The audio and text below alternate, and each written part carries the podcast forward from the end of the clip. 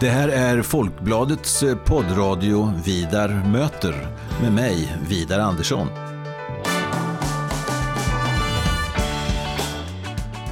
Jag är eh, chefredaktör på Folkbladet och jag är också ansvarig för Folkbladets ledarsida som eh, skrivs utifrån en oberoende socialdemokratisk hållning. Så i den här poddradion kommer jag att möta politiska personer av olika slag och vi ska ha ganska så korta och hoppas jag rappa samtal om stora och små samhällsfrågor. Varmt välkommen till Vidar möter.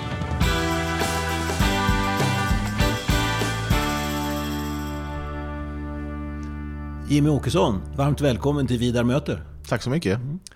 Eller egentligen kanske är du som ska säga välkommen. Vi är faktiskt eh, i era lokaler här i riksdagen. Ja, exakt. Och eh, just nu, jag har inte varit här så mycket de senaste månaderna heller faktiskt. Så jag känner mig inte så hemma just nu heller. Nej, jag förstår det. Känns det som om politiken håller på att återvända till det normala, eller vad ska man säga? Ja, normalt blir det nog inte, men det känns ju som att eh, nu har jag varit här två gånger i Stockholm på bara en vecka. Så att nu börjar det kännas som att det Ja, men sen kommer ju sommaruppehållet här. Så att det, mm. det blev väl en ny omgång hemma i, i Sölvesborg. Ja. Hör du, du har varit medlem i Sverigedemokraterna i 25 år. Mm. Mm, och partiledare i 15. Mm. Och ändå är du oförskämt ung. Ja, jag känner mig väldigt ung. Ja, du ser ganska ung ut. Fast det blev sent igår kanske, det var ju ja, partiledardebatt i SVT. Precis, nej, men det blir ju de här, eh, det är Aktuellt ikväll dessutom. Eh, de här sena framträdandena i tv, det blir svårt att komma till ro. Man är mm. lite, lite seg dagen efter. Ja. Jag tänker på det, själv har jag varit eh, socialdemokrat i hundra år kan man säga. Mm. Mamma, pappa och farmor och farfar. De har aldrig haft något uppdrag men har varit klara sossar mm. och så. Tror du Sverigedemokraterna kommer att bli ett sånt där parti också? Så att man, man säger att ja, där har ju farfar och var med och jag är med.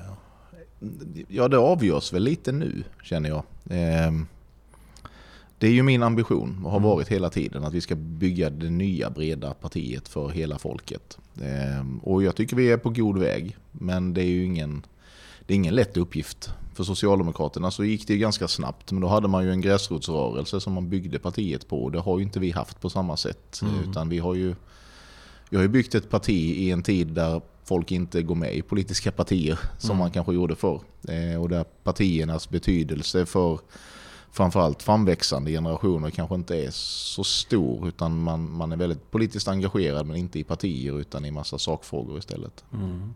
Det verkar ju så, den senaste SCB-mätningen här som kommer då som, som kommer varje halvår, den visar ju att trots den här, här coronavåren där eh, Sverigedemokraterna och de flesta andra partier inte har varit i riksmedia på tre månader nästan, så ligger ni kvar på valresultatet ungefär? Ja, nej men jag är faktiskt positivt överraskad. Nu har det ju det kommer ju lite mätningar, även om de kanske inte är lika täta som de har varit i normala fall. Men det har ändå kommit en del och jag har ändå känt att vi har stått, stått oss ganska väl trots att Socialdemokraterna då, gissar jag, har tagit en hel del, tagit tillbaka en hel del av, av mm. sina gamla väljare. Mm så är det nog. när du säger så, så för du in mig på ett av mina huvudämnen, hoppas jag, under den här pratstunden. Nämligen eh, förhållandet mellan Sverigedemokraterna och Socialdemokraterna.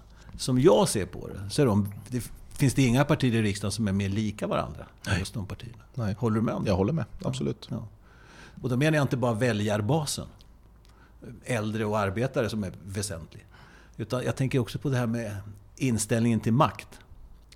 Och pragmatism. Mm att, om man ska uttrycka sig vanvördigt, så säga att eh,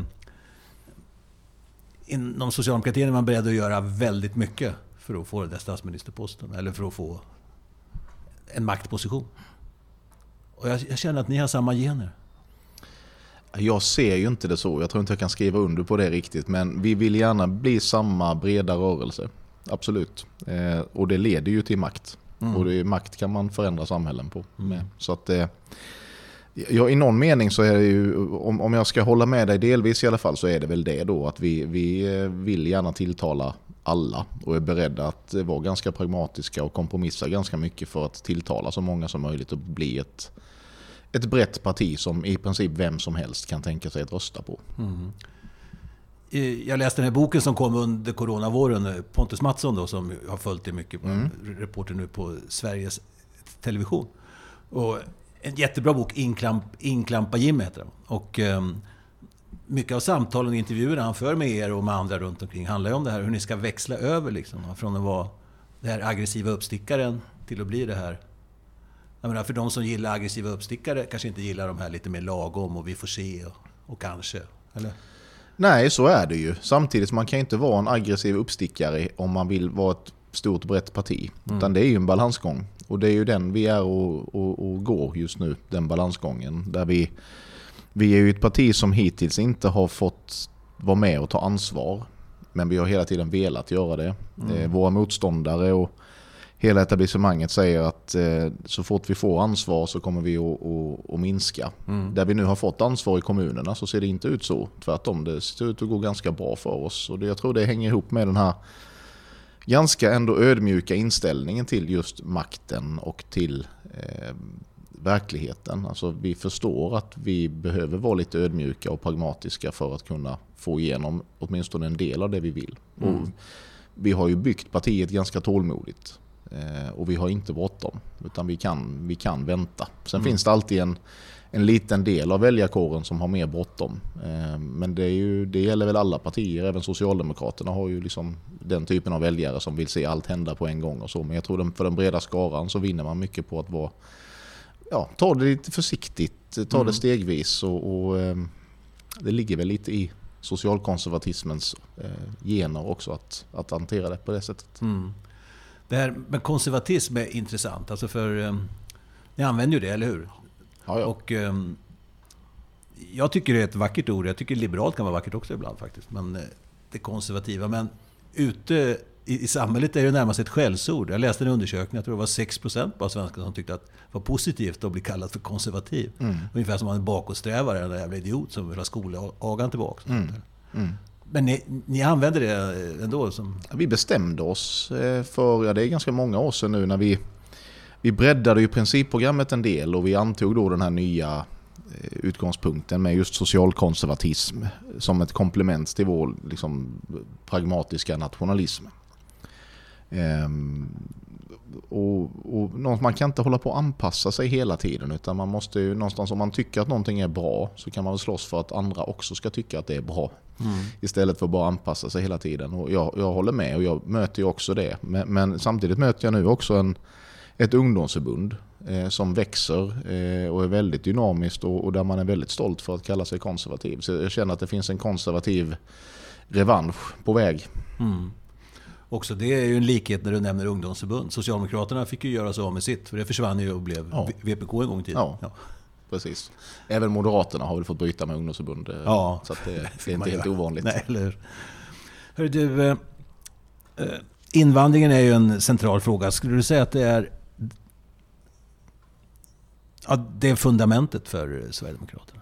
Vad ska, vad ska man säga? Ja, men inte invandringen som sakfråga. Nej. Men invandringspolitiken mm. påverkar mm. väldigt stora delar av samhället. Eh, och jag har funderat i massa år, men jag kan inte komma på egentligen något enda område där det inte har betydelse hur man mm. sköter invandringspolitiken. Och då har det blivit väsentligt, men det, det är klart att det, när vi pratar om välfärden och, och samhällsekonomin och fördelningspolitiken så kommer ju invandringen in ganska naturligt eftersom det har kommit så många människor som ska ha del av välfärden och så få, få möjlighet att bidra till den. Då blir mm. det obalanser.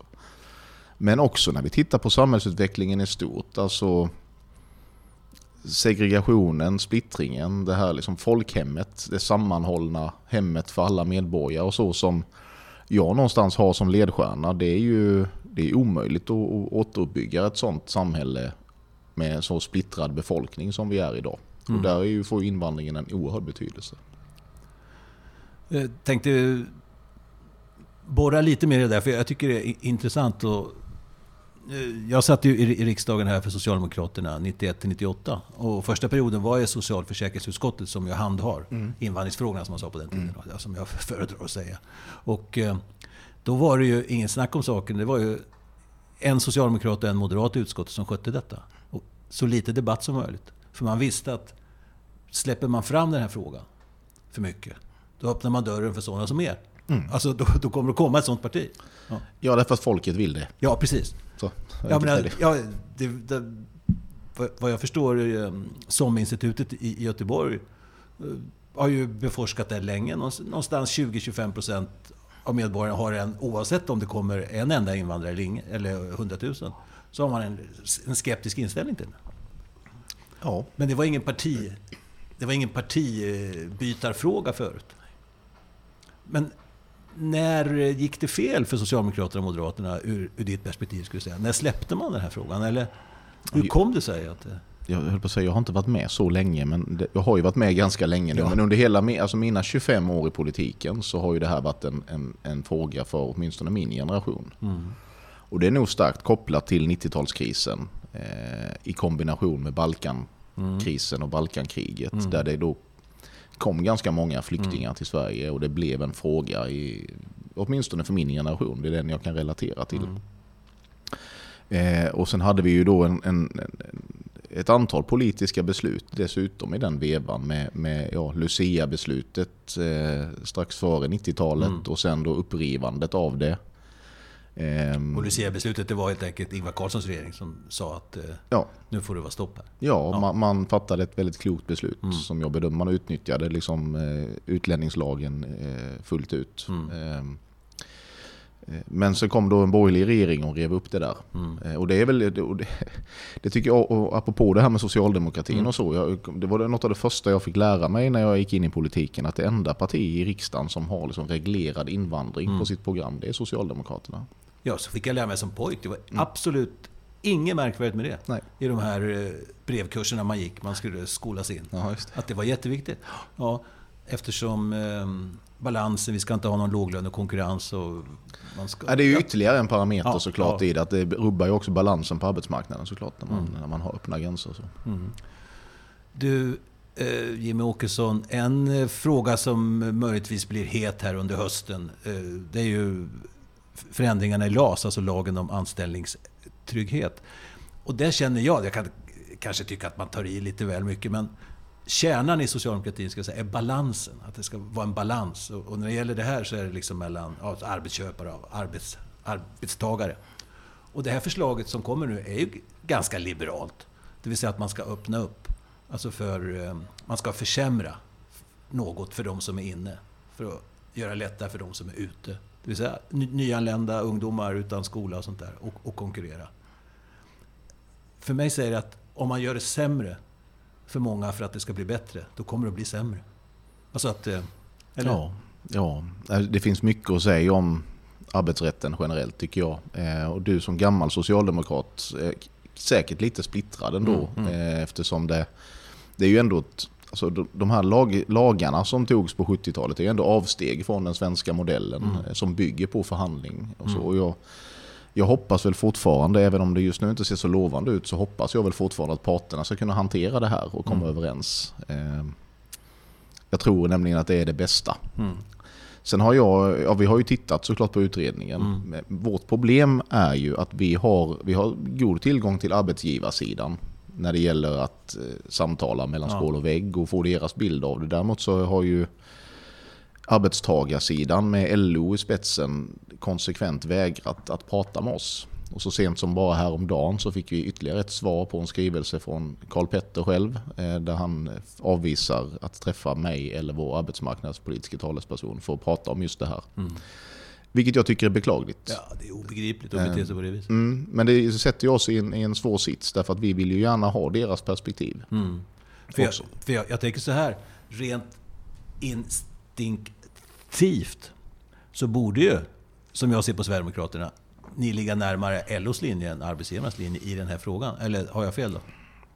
Det beror lite på, det är ju olika delar i det här. Ja. Vi har ju länge sagt att vi är öppna för fler undantag från turordningsreglerna. Mm. Ehm, samtidigt som vi är för en, en, stark arbetsrätt. Men det ska ju vara en stark arbetsrätt i praktiken, inte bara på pappret. Mm. Ehm, vi är också ett småföretagarvänligt parti och turordningsreglerna slår ju framförallt mot de mindre företagen och deras möjlighet att behålla nyckelpersonal och mm. sådana saker.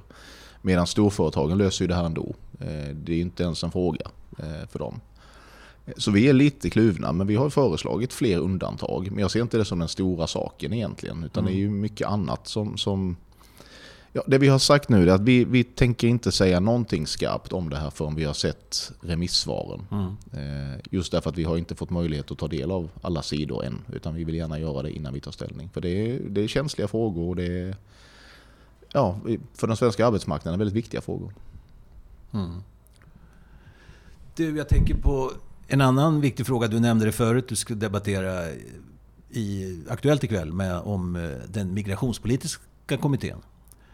Blir det några framsteg där? Kommer det att bli något bra? Eller kan man vända på bladet och börja om där? Vad tror du? Eh, tyvärr så nu, nu, hade vi ett möte häromdagen eh, som jag, jag var med på mötet men jag hörde absolut ingenting. Jag var med på, på Skype. Ja.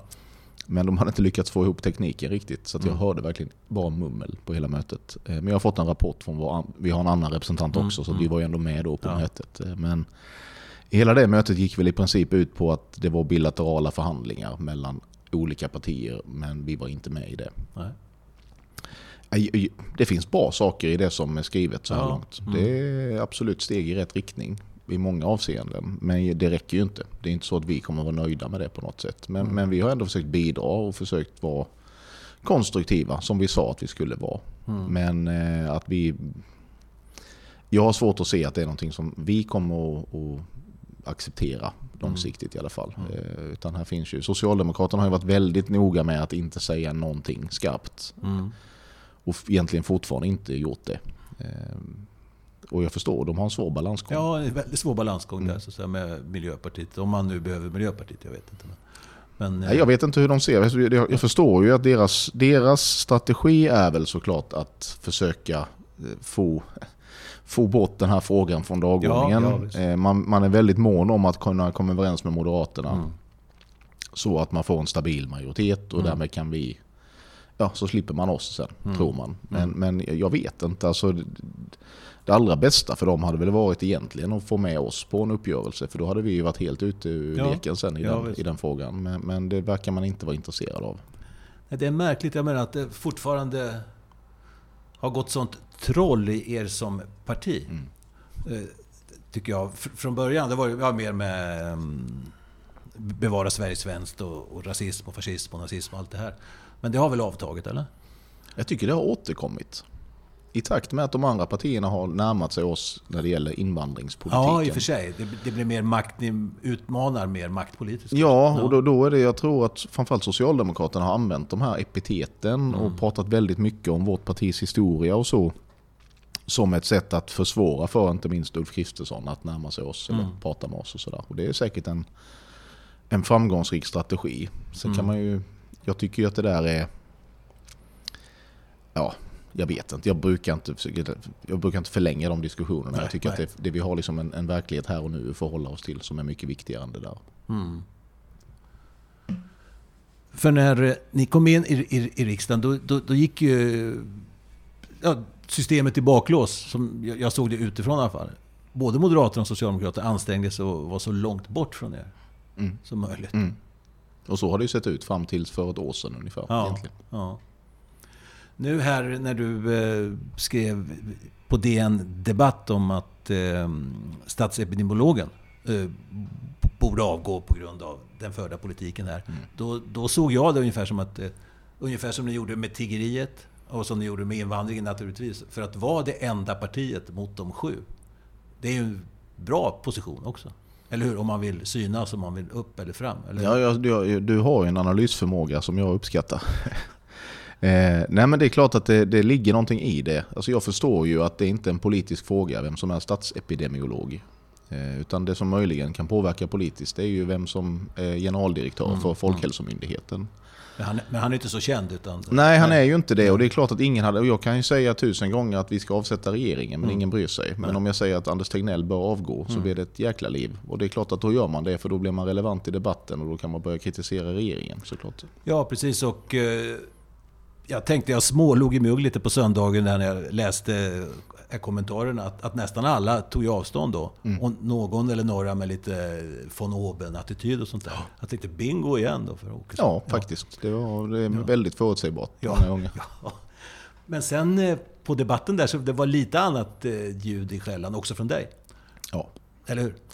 Ja men tyvärr, men alltså, i vårt, mediestyrda politiska debattklimat ser ju ut så att mm. man för att få vara med i debatten och säga något, då måste man säga någonting som är lite skakigt och kanske inte helt intellektuellt hederligt. Mm. Eh, och sen kan man balansera det i kommentarerna efteråt. Och jag tyckte att jag var ganska balanserad i debatten igår mm. och riktade mig då dit jag bör rikta mig, nämligen mot regeringen i första hand. Eh, sen tycker jag att Anders Tegnell bör avgå, men som sagt det är ingen politisk fråga. Mm. Det... Eh, du Jimmy Åkesson här, vi har några minuter kvar. Jag tänkte, är det så, har ni definitivt bestämt sida nu att det är Moderaterna som gäller för er? Ja, men så kan man inte se det, för vi står ju utanför. Uh, Ulf Kristersson är ju också tydlig med att vi är inte intressanta som en del i en, en regering. Mm. Uh, nej, nej, men jag tänkte så. Men, alltså, var, var, på den sidan alltså. Ja, men det är naturligt att vi hamnar där, mm. uh, därför att de har närmat sig oss så mycket. Hade, vi, hade det varit för fyra år sedan så hade det inte varit så. Vi har ju, utan det är ju deras positionsförflyttning som har gjort det möjligt. Att vi, har, vi har ju varit väldigt noga med att inte välja sida. Men mm. sen de har bytt position så pass mycket, både KD och M, mm. så har det ändå känts naturligt eh, att närma oss dem. Och det har, när jag lanserade den här idén om ett konservativt block mm. 2015 så var ju det min idé, min plan och min förhoppning att de skulle börja glida i vår riktning eh, i våra, de frågor som är viktiga för oss. Och det har mm. de gjort och då har det mm. blivit mer naturligt. Jag tror väljarna ser det som ett konservativt block idag. Mm. Eh, även om man inte vill kalla sig konservativ. Ja, så, så. Men, men, nej, alltså... För du har en poäng i det, att när, när, du säger att det finns saker som, hos oss som påminner väldigt mycket om den gamla socialdemokratin, mm. inte mm. minst. Eh, men, just nu är inte det ett alternativ, utan nej. just nu så är det framkomliga vägen för oss, det är ju en, en någon form av samarbete med Moderaterna och Kristdemokraterna mm. primärt. Mm. Och det känns som att det börjar växa fram eh, sådana möjligheter. Mm. Eh, så att just nu är det nog där. Men, men vi, vi, vi är ju inte ett borgerligt parti. Och, nej, ni är inte det. Nej, vi är ju inte det. Och, och, och, Moderaterna, inte minst, är väldigt noga med det. Att påpeka att man vill ha en borgerlig regering. Mm.